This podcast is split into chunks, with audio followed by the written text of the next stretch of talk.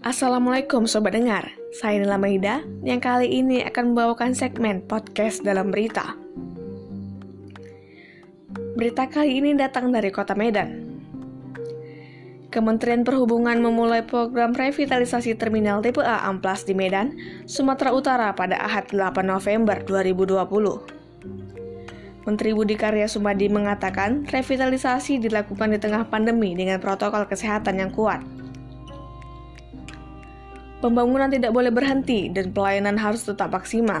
Namun, protokol kesehatan tetap menjadi panglima. Ujar Budi Karya dalam keterangannya pada Ahad 8 November. Dilansir dari Tempo.co, menurut Budi Karya, pembenahan simpul transportasi akan membuat masyarakat nyaman. Minat untuk menggunakan angkutan umum kata Budi Karya akan meningkat.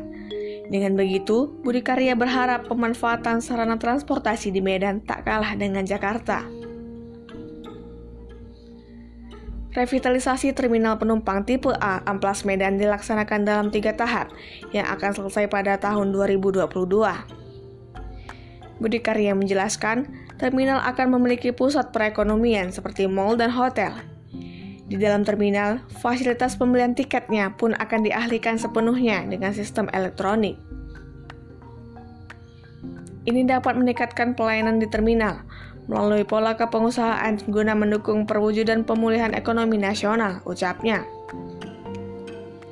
Terminal tipe A Amplas Medan berdiri di atas lahan seluas 2,1 hektar pemerintah mengalokasikan anggaran sebesar 45 miliar untuk revitalisasi terminal dengan skema pendanaan kontrak tahun jamak. Demikian berita yang saya laporkan. Terima kasih, sobat dengar. Wassalamualaikum warahmatullahi wabarakatuh.